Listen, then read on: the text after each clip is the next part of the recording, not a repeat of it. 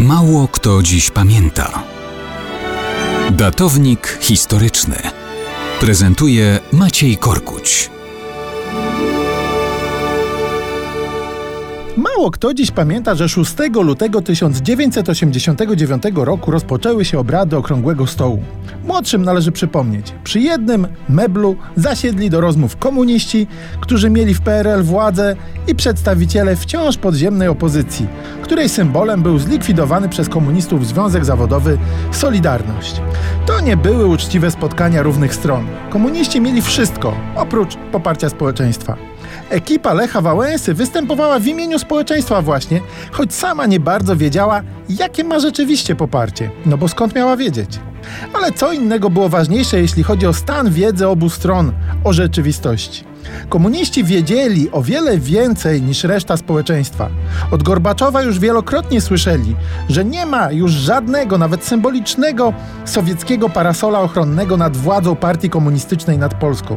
Wiedzieli też, że po przetrąceniu kręgosłupa Solidarności stanem wojennym następuje w społeczeństwie wymiana pokoleniowa. Wchodzi w życie nowa generacja młodzieży, która nie zamierza patrzeć na nich jak na przeciwników politycznych, ale wprost widziała w komunistach wrogów ojczyzny. Strajki z 1988 roku były pierwszym zwiastunem, że narasta nowa fala buntu. I żadne straszenie sowieckimi czołgami im nie pomoże. Jaruzelski widział, że jeszcze starych działaczy może paraliżować strach przed moskiewskim niedźwiedziem. Ale młodzi ludzie na ulicach krzyczeli Sowieci do domu, bolszewicy do kostnicy. Pytanie było takie, kiedy społeczeństwo całe zrozumie, że władza PZPR jest sam na sam z Polakami. Wtedy reżimowi i samemu Jaruzelskiemu groziło, że zostaną zmieceni przez bunt społeczny bez żadnej taryfy ulgowej. Wiedzieli, że muszą coś zrobić. Przygotowali projekt takich zmian, które dopuszczą część opozycji do systemu władzy, ale tak, aby to partia i Jaruzelski kontrolowali wszystko.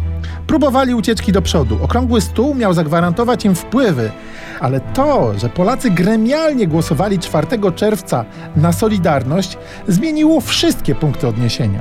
I dlatego to ważna data, bo po 4 czerwca pytanie brzmiało: co solidarnościowa ekipa Wałęsy zrobi z ujawnionym poparciem milionów Polaków? Hm, niewątpliwie wrócimy do tego 4 czerwca.